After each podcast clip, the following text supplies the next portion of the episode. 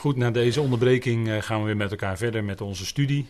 En we waren voor de pauze gebleven in Galaten 5 vers 16.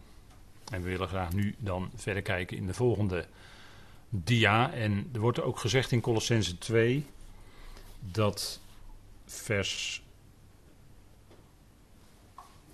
11, Colossense 2 vers 11 waar we nu in bezig zijn, dat het een besnijdenis is zonder handen gedaan zonder handen gedaan. Ziet u wel dat weer dat er geen mensenhanden aan te pas komen, zoals bij de letterlijke gewone besnijdenis in Israël wel. Hè. Dan komt uh, de mohel, hè, die komt op de achtste dag, de besnijder, en die uh, al dan niet in het bijzijn van een rabbijn. En die besnijdt dan dat jongetje. En in Israël werden, was natuurlijk het voorschrift, en ook aan Abraham dat hebben we gelezen, dat alleen de jongetjes besneden werden. En in de kerk is de theologie ontstaan dat de doop, de besprenkeling eigenlijk, het is niet eens een doop, de besprenkeling van kinderen in de plaats gekomen is van de besnijdenis. Maar als je dan consequent bent, dan zou je alleen jongetjes moeten besprenkelen. Of zeg ik nou iets vervelends of zo. Maar dan worden alle kindertjes besprenkeld, dat is toch raar? Want meisjes werden niet besneden en nog, en nog steeds niet in Israël. Dus het is dan toch raar dat je gaat, kinderen gaat dopen. En dan laat je in de kerk ook erbij zingen: Het verbond met Abraham, zijn vriend, bevestigt hij van kind tot kind. Dat wordt dan altijd gezongen in een doop, in een kinderdoop, eigenlijk besprenkelingdienst. En dan zit daar de kerk, en dat is niet Israël. De kerk heeft niet het verbond van Abraham gekregen. Dus aan alle kanten denk ik, als ik erover nadenk, ontstaat er kortsluiting. Dan kloppen de dingen gewoon niet. En het klopt ook niet want als je echt natuurlijk zou gaan spreken met mensen uit de kerk. En je zou echt zeggen: joh, die, die hele kinderdoop, staat dat nou in de Bijbel? Dan moeten ze eigenlijk erkennen dat het helemaal niet in de Bijbel voorkomt. Ja, wel, natuurlijk wel een paar teksten van. Hè, toen Paulus uit de gevangenis bevrijd werd, werd er gevangenbewaarder. En, dus, en dan staat er: en zijn hele huis werd er gedoopt. En dan gaan ze inleggen van dat zullen ook wel kinderen geweest zijn. Dat is in, maar dat is inleg. Dat is inleg. Dat staat er niet hoor. En nou ja, goed, zo, weet men dan, probeert men dan hè, het, het, de traditie van de kinderdoop in de Bijbel in te wringen. Maar dat gaat gewoon helemaal niet. Dat, dat, dat gaat niet lukken. En Paulus heeft het hier ook, de werkelijke besnijdenis, heeft het hier over, een besnijdenis zonder handen gedaan. Zouden we ook goed meenemen hè, dat hij dat hier zegt. En uh, Paulus, en die, die uitdrukking, zonder handen gedaan, die komt ook voor. Ik heb de tekst hier opgezet, die komt maar drie keer voor. Ook in Marcus 14, als het gaat om de tempel. Dan spreekt de Heer Jezus over niet die letterlijke tempel, maar uh, die tempel die dan zonder handen gebouwd wordt. Moet u maar eens nalezen. En in 2 Korinthe 5, vers 1, een hele mooie tekst dat wij een gebouw uit God hebben. Wij hebben een gebouw uit God. En dat, die komt dan, in, om het zo maar even te zeggen, in de plaats van onze aardse tentwoning die nu afgebroken wordt, die zwak is en die afgebroken wordt, die tijdelijk is. Dat is ons huidige aardse lichaam dat in verval is, dat sterfelijk is, stervend is. En daar komt voor in de plaats straks, na onze verandering, een gebouw uit God, een eonisch huis, en er staat er ook bij, zonder handen gemaakt. En dan is het natuurlijk blijvend, want dat is iets wat God geeft. Dat nieuwe verheerlijke lichaam, dat heerlijkheidslichaam, wat gelijkvormig zal zijn aan zijn heerlijkheidslichaam, zegt Filippenzen 3, wat we zullen ontvangen als de bezuin klinkt, ja, daar komt geen mensenhand aan te pas. Dat zal zoiets fantastisch zijn, dat kunnen mensenhanden helemaal niet maken. Trouwens, ons huidige menselijke lichaam, daar kunnen uh, knappe mensen, chirurgen, kunnen daar hoog iets, hooguit iets aan vervangen met kunstmiddelen, bijvoorbeeld een kunstheup of een kunstknie of een uh, kunstbeen of wat dan ook. Maar ze kunnen niet, een mens kan niet een menselijk lichaam creëren zoals wij dat hebben. Dat zit zo fantastisch in elkaar. En dat is dan ook niet met mensenhanden gemaakt. Maar dat is Gods werk. En dat gebouw uit God, wat wij straks zullen ontvangen, dat heerlijkheidslichaam, waar als, je, als je veel lichamelijke klachten hebt, dan kijk je daar natuurlijk rijkhalsend naar uit. Dat is zo eh, logisch. Dan ja, dan kan je alleen maar daar verwonderd over zijn. Die heerlijkheid die Christus had toen hij Saulus ontmoette op weg naar Damascus, waar hij drie dagen blind van was. Moet u denken aan die heerlijkheid. Dat gaat God ons straks als gemeenteleden ook geven. Gelijkvormig aan zijn heerlijkheidslichaam. Nou, denk er maar eens over na. Maar dat is ook zonder handen gedaan. Hè? Het gaat hier in Colossense 2 om een besnijdenis niet met handen verricht. En het werkwoord wat er staat, het is een samengesteld Grieks woord hier, maar het werkwoord wat er dan in staat heeft te maken met doen of maken. En we hebben dat dan hier vertaald met verricht. Maar niet met handen.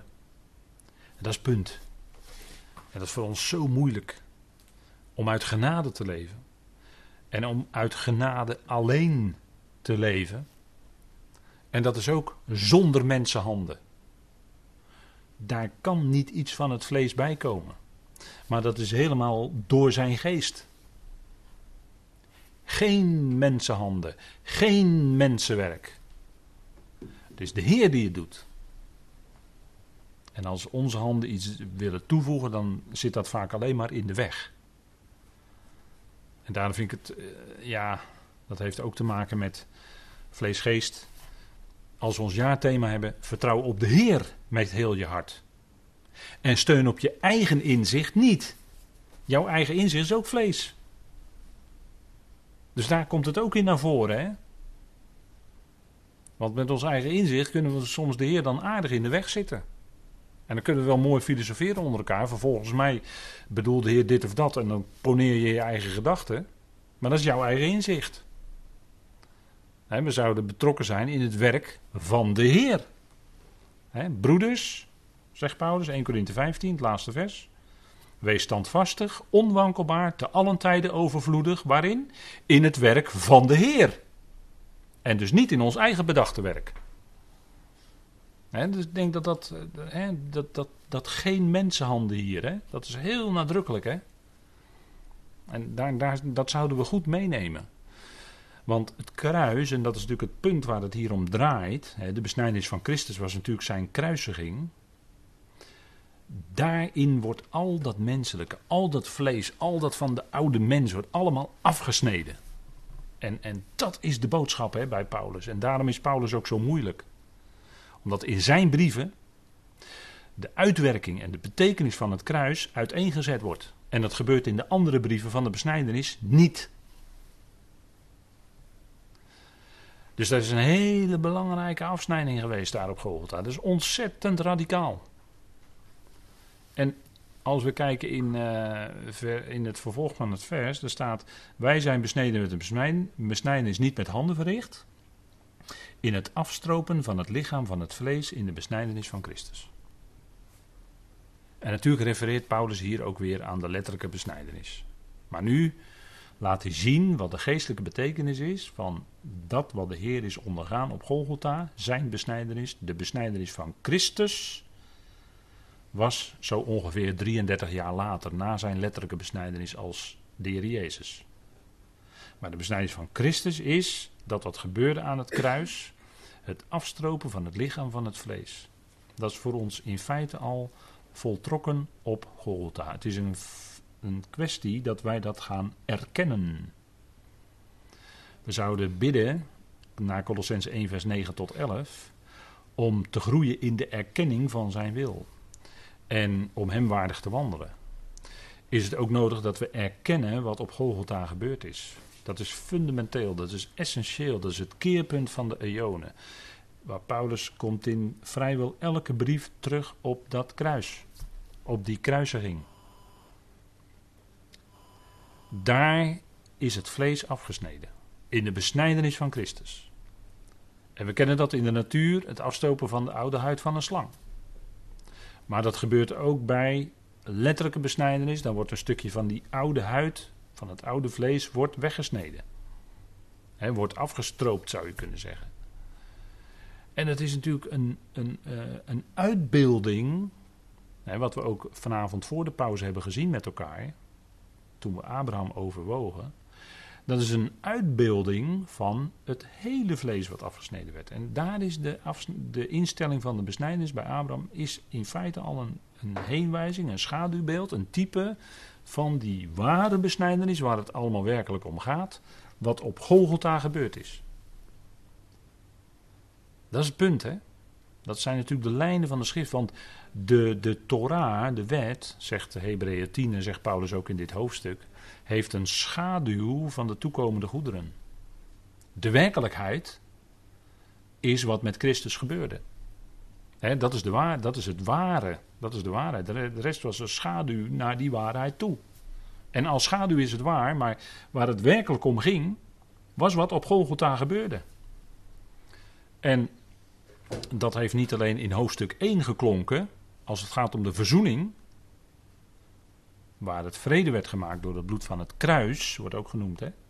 En hier wordt er dan in beeldspraak over de besnijdenis gesproken, maar wordt wel degelijk gerefereerd, duidelijk gerefereerd aan het kruis. Dus ook in hoofdstuk 2 van Colossense komt dat kruis heel nadrukkelijk aan de orde. Dat zijn de kernen waar het om gaat. En die dat afstopen van het lichaam van het vlees in de besnijdenis van Christus, dat, dat geldt voor ons allemaal als gelovigen. Het is een zaak dat wij dat gaan erkennen dat het zo is. Het is een geestelijk feit. Het is voltrokken. Het is gebeurd. En nu is het zaak dat wij die feiten gaan erkennen. En dan wordt het ook heel praktisch, want dan gaan we dat ook erkennen voor ons leven, in ons leven van elke dag, dat dat een feit is, dat het oude is afgesneden. En dat is natuurlijk een proces. In het afstropen van het vlees, zegt de volgende dia, in, het, in de besnijdenis van Christus, dat was zijn dood op Golgotha, zijn dood aan het kruis. En dat wordt ook genoemd zijn doop. Want hij zei in Lucas 12, vers 50, sprak hij over zijn doop die nog aanstaande was. En toen was hij al lang in water gedoopt door Johannes. Maar een behoorlijke tijd daarna sprak hij over zijn doop die nog zou moeten komen. En toen verwees hij met het woord doop naar zijn kruisiging en opstanding. Want de doop in water is ook symbolisch iets dat uitbeeldt dat je afgesneden wordt. Als je onder dat wateroppervlak komt, dan word je als het ware afgesneden. Zo ziet een Jood ook dat mikvee, of het mikva, dat bad, dat rituele bad dat als je onder die wateroppervlakte komt, dan word je afgesneden van het oude. En als je eruit opkomt, dan word je als het ware nieuw in, hè, binnen, binnen, binnen, dan binnen uh, de Joodse gemeenschap, hè, zoals de Joden dat uh, uh, zien en beleiden, word je dan als het ware nieuw ingevoegd in de Joodse gemeenschap. Het is als het ware een geboorte, hè, zo zien ze dat. Hè, dat, dat wordt onder andere besproken in dat bekende boek van Rabijn de Vries, wat ik ook wat heb doorgelezen in, naar, naar deze avond toe opnieuw. Ik heb het al, lang in mijn boekenkast staan en het is een prachtig boek. Hij schrijft heel, heel liefdevol over al die rituelen en gebruiken binnen de Joodse gemeenschappen. En het is ook allemaal prachtig, het is heel mooi. En dan schrijft hij ook heel uitgebreid over de besnijdenis bijvoorbeeld. En wat er allemaal omheen gebeurt en welke psalmen gelezen worden, wat er gezongen wordt en de kiddushbeker en noem alles maar op. Dat is allemaal heel mooi. En ik kan, ja, ik kan alleen maar vol verwondering dat lezen. Uh, maar het punt is dat waar het nou naartoe verwijst, daar, ja, daar, daar had die rabbijn kennelijk niet zo'n zicht op. Maar goed, dat geeft verder niet. Ik bedoel het, niet, ik bedoel het alleen maar constaterend. Hè. En kijk, die besnijdenissen, die, die doop, hè, die doop. De heer Jezus sprak over een doop en dat was zijn dood dus die, dat, dat afsnijden onder het wateroppervlak, dat symboliseert eigenlijk dat wat op Golgotha gebeurde. Zo duidde de Heer Jezus dat aan. En als we dan na die kruisiging en opstanding van onze Heer leven, dan weten we ook dat die doop in water, ja, dat doet er eigenlijk helemaal niet meer toe. En dan kun je zeggen, ja, dat is een mooie symboliek. Ja, het is mooie symboliek, maar het doet helemaal niets. En Paulus geeft ook geen enkel onderricht dat wij ons zouden laten dopen in water als gelovigen. Er staat niets over in de brieven van Paulus. Geen enkele aanwijzing, geen enkele inzetting bij Paulus zegt dat wij ons zouden moeten laten dopen in water. Ik zou bijna zelfs willen zeggen in tegendeel. Maar het punt is, kijk, als wij bewust zijn, het plaatje hier strijden tegen de zonde.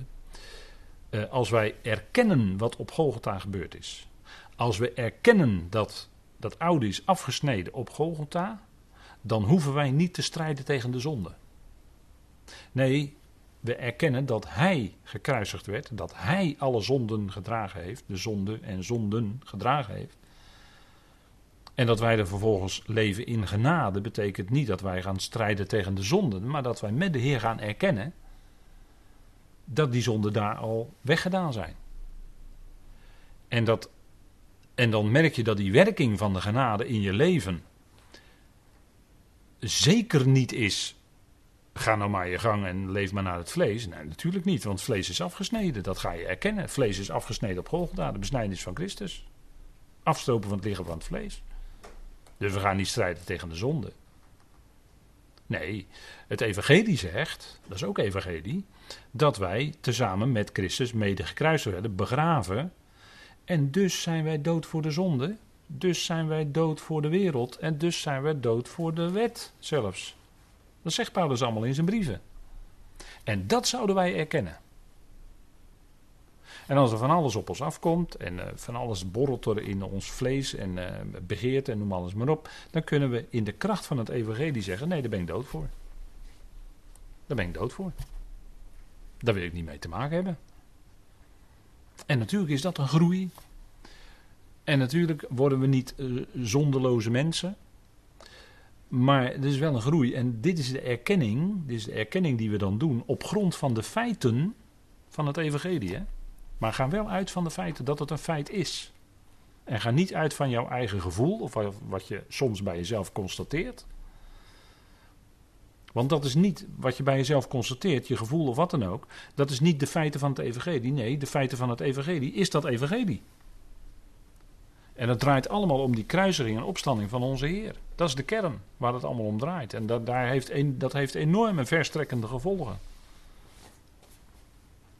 En hier is een hele belangrijke natuurlijk aan de orde in Colossense 2, dat wij afgesneden zijn, tezamen met Christus, net zo, van de zonde. Alle besnijdenissen verwezen dus daarheen. Abraham, bij Abraham was het de eerste, maar dat is al gememoreerd. Paulus zegt, als we even nog doordenken over die waterdoop. Paulus zegt in 1 Korinthe 1 vers 17. Christus heeft mij niet gezonden om te dopen, maar om evangelie te verkondigen. En dan voegt hij er nog aan toe, niet met wijsheid van woorden. En dan zegt hij, opdat het kruis van Christus niet inhoudsloos zou worden. Of met een ouder woord, ijdel zou worden, of leeg. Ziet u dat Paulus hier in de Korinthebrief, als hij al spreekt over de waterdoop, dat hij die juist vanaf gaat, erbij weggaat als het ware, en wijst op het kruis. En kijk, het punt is dat het, het, vervolg zegt in het Colossense 12, het eerste gedeelte, daar zegt Paulus ook, hè, we zijn afgestoopt in de besnijdenis van Christus, en dan zegt hij in vers 12, gezamenlijk met hem begraven zijnd in de doop. En dat is niet dus de doop in water. Wordt hier ook helemaal geen water genoemd. Maar de directe context is hier, dat, is, dat is, gaan we weer. Hè. De, het directe tekstverband is hier zijn dood aan het kruis. Dat is het tekstverband. En daarnet noemde ik al even Lucas 12, waarin de Heer Jezus dan verwijst naar zijn doop die nog zou komen. En dan kon hij niet anders dan verwijzen naar het kruis. Zijn dood en opstanding tezamen met hem begraven zijnd in de doop. En dan gebruikt hij dus doop hier als uh, een beeldspraak in feite. En hij bedoelt eigenlijk daarmee te wijzen op zijn dood. Maar doop wordt hier, let op, doop wordt hier verbonden met het, met het facet van begraven worden. Begraven worden. Besnijdenis in het vorige vers wordt verbonden met zijn kruisering afsnijding, de afsnijding van het oude. Maar de doop, het woord doop wordt hier verbonden met begraven worden. Want bij de letterlijke doop in water ga je onder, en dat noemen ze dan wel eens het watergraf. Maar dat heeft dus niet te maken met het kruis. Hè? Dat is wat, wat daarna eventueel plaatsvindt. En dat is wat bij de Heer ook gebeurde. Pas daarna werd hij begraven. En dan komt het woord doop tevoorschijn. Dus dat woord doop wordt gekoppeld aan begraven. En dat gebeurt ook in Romeinen 6. De bekende woorden, maar er wordt hetzelfde, Paulus koppelt daar dezelfde begrippen aan elkaar. Romeinen 6, en dan gaat het over hetzelfde. En dat wil ik dan even met u opslaan. En dan lees ik met u even vanaf vers 1, Romeinen 6, vers 1. Wat zullen wij dan zeggen? de regering van de genade. Wat zullen wij dan zeggen? Zullen wij in de zonde blijven opdat de genade toeneemt? Volstrekt niet. Hoe zullen wij die aan de zonde gestorven zijn daarin nog leven? Of weten jullie niet dat wij allen die, en er staat er letterlijk, naar binnen Christus Jezus gedoopt zijn, in zijn dood gedoopt zijn of werden? Wij zijn dan met hem begraven door de doop in de dood. Opdat evenals Christus uit de dood is opgewekt tot de heerlijkheid van de Vader, zo ook wij in een nieuw leven zouden wandelen. Dus hier ziet u ook opnieuw dat het begrip doop verbonden wordt met begraven worden. En natuurlijk ook met dood. Maar het wordt niet verbonden met kruis. Dat is pas een paar versen verder als het gaat om dat die oude mens teniet gedaan is. Dat die oude mens weggedaan is. Hè? Wij dan, vers 6, wij weten toch dat onze oude mens mede gekruisigd is, opdat het lichaam van de zonde teniet gedaan zou worden en wij niet meer als slaaf de zonde zouden dienen. Die oude mens is daar dus met Christus mee gekruisigd. En ziet u dat in vers 6 het woord doop dan niet gebruikt wordt? Dus doop wordt gekoppeld door Paulus ook hier aan begraven worden. En dat is ook het beeld. En we constateren dat we dus met hem gekruisigd, gestorven en begraven zijn. En dat zijn we voor de zonde. Voor de zonde. We zijn ook afgesneden dan voor de zonde. Dus we erkennen met hem dat we dood zijn voor de zonde. En dat we dan kunnen zeggen als de, hè, hoe dan ook, maar op een of andere manier de zonde aandringt, om het zo maar te zeggen, dat we zeggen: nee, daar ben ik dood voor. Daar weet ik niet mee te maken. Daar ben ik dood voor. Dat zegt de evangelie, daar ben ik dood voor. En dat geeft je dan de kracht door zijn geest om te wandelen, zoals Paulus dat ook hier zegt, in nieuwheid van leven, hè, dat nieuwe leven te leven. Heel fundamenteel is dit, hè, maar dit zijn wel de feiten. Hier draait het allemaal om. Hè. Dit is de kern waar het om draait. Gezamenlijk met hem begraven zijnd in de doop. En ook in Romeinen 6 gaat het niet om water, maar het gaat erom dat wij naar binnen in Christus Jezus gedoopt zijn. Dat zegt hij in vers 3. En we zijn in zijn dood gedoopt. Helemaal water niet aan de orde. Hè? En Colossense 2 net zo min. Dat is wat we, dat is wat we nadrukkelijk meenemen hier. Hè? En ook waar we deze avond mee begonnen zijn, dat wij in Hem hè, compleet gemaakt zijn. We zijn in Hem compleet gemaakt. We hebben dat nieuwe leven van Hem ontvangen. We zijn met Hem begraven en opgewekt. Dan hebben we die doop in water helemaal niet meer nodig. Die doet ook helemaal niet ter zake. Dat is helemaal niet relevant. Het zou juist, zou ik eerder willen zeggen, bijna een ontkenning zijn van dat wat al lang een feit is. Want hoe je het ook wendt of keert, maar in gemeentes en hoe dan ook, als er wordt gedoopt in water, dan wordt er toch altijd iets aan vastgekoppeld. En dan is het toch ergens iets duidelijker of minder duidelijk, toch iets religieus en dat is eigenlijk een ont en dan, vind, dan komt het op mij over als een ontkenning van dat wat het evangelie zegt, wat, de, wat werkelijk het feit is en waar het werkelijk allemaal om draait. Dat is dat samen met Christus. Waar Paulus het ook hierover heeft en ook in Romeinen 6. En dan vervolgt het met, hè, dat is niet alleen natuurlijk gestorven en begraven, dood en begraven, maar ook opgewekt. Hè? Dat is het uh, vervolg van vers 12. In hem ook werden jullie tezamen opgewekt door het geloof in de werkzaamheid van God, die hem opgewekt heeft uit de doden. Dat is ook een feit. We zijn met, gezamenlijk met Christus ook opgewekt uit de doden. En Paulus vervolgt dan ook nog met een ander woord, dat komt dan de volgende keer wel aan de orde. Maar let op hoe nauwkeurig de schrift hier is. Dat er niet gesproken wordt over opstanding, want dat heeft te maken met ons lichaam. Dat is nog niet aan de orde. Dat is pas in de toekomst. Als we overleden zijn en eh, tenzij we natuurlijk bij leven de bazuin horen. Maar voor de verreweg de meeste is het zo gestorven en dan komt de lichamelijke opstanding bij de bazuin. Maar dat wordt hier niet gezegd. Want voor ieder gelovige nu, vandaag geldt dat hij is opgewekt tezamen met Christus. En ook, dat is vervolg, levend gemaakt. Dat is een ander facet en daar komen we dan de volgende keer op. Maar dat opgewekt, hè, eh, opstaan heeft te maken met ons lichaam. En opgewekt worden heeft meer te maken met onze ziel, zo wordt het in de schrift gebruikt. En dat is natuurlijk de doorwerking ook van het nieuwe leven van Christus in ons. En het levend gemaakt heeft meer te maken met onze geest. Dat die geest van God in onze geest is. En daardoor zijn we levend gemaakt. En dat is dan nog niet lijfelijk aan ons voltrokken, die levendmaking. Dus het is dan nog een vorm van beeldspraak, zou je kunnen zeggen. Maar we hebben wel degelijk die geest van God in ons ontvangen. Het is het geloof in de werkzaamheid van God. En dat is in plaats van onze eigen, tussen haakjes, vrome werken. Het is het geloven in de werkzaamheid van God, die hem uit de doden heeft opgewekt. dat is natuurlijk het geweldige. Op de derde dag is hij letterlijk door Vader opgewekt uit de doden. En we zingen dan ook, hij werd opgewekt door vaders kracht. Is vaders kracht. Ja, dat is geweldig, dat is Pasen. Hè?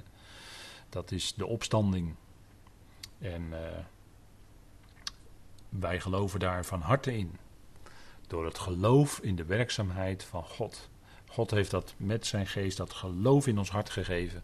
En dat geloof, die geest heeft een geweldige uitwerking ook in onze ziel. dat ons kunnen willen denken. Vreugde en blijdschap, dat het ook allemaal door de geest is gewerkt. En God heeft hem opgewekt uit de doden. Nou, dan eindigen we vanavond met uh, prachtig goed nieuws. Hè? Een prachtig, uh, heerlijk evangelie. Zijn kruisiging, hè, dat, dat is wat vanavond natuurlijk uh, nadrukkelijk aan de orde was met deze versen. Zijn kruisiging en zijn opwekking uit de doden. Ja, dat is natuurlijk evangelie. Dat is geweldig, hè? Het is de besnijdenis ook van Christus. Dat is de verheerlijkte, dat is de levende. Besnijdenis van Christus, hè? Dus de levende Heer en die verheerlijkt is. Dat is dus, hij is dan voorbij de dood.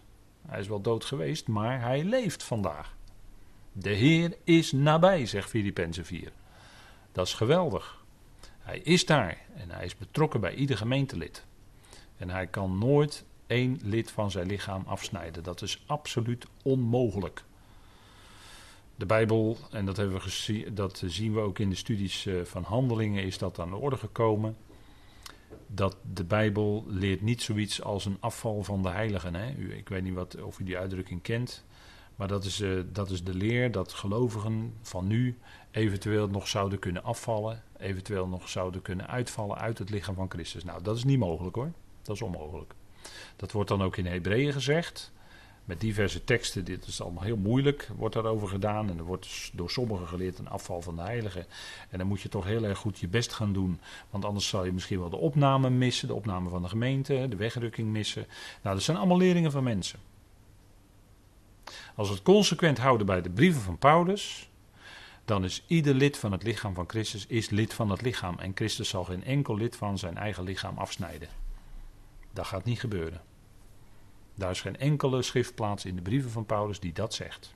Integendeel zelfs. Hij heeft ons lief, moeten we Efeze 5 maar eens lezen. dat hele stuk over Christus en de gemeente. En dat, dan zult u onder de indruk komen, als u dat goed op u in laat werken, hoezeer Christus ieder lid van zijn eigen lichaam lief heeft. En hoe die daarbij betrokken is. En hoe onmogelijk het is dat Christus ook maar één lid van het lichaam zou kunnen afstoten. Dat is absoluut onmogelijk. Anders is het lichaam niet meer compleet. Maar het complete hele lichaam van Christus zal weggerukt worden bij de bazuin.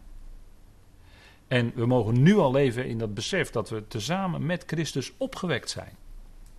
Ah, dat is geweldig, hè, natuurlijk. Dat is geweldig. Dat we uit dat besef mogen leven elke dag. Daardoor ons leven en ons denken laten bepalen. Je hart laten jubelen door dat geweldige goede nieuws. Dat Hij is opgewekt en wij samen met Hem, u, jij en ik. Nou, dat is eh, geloof in de werkzaamheid van God.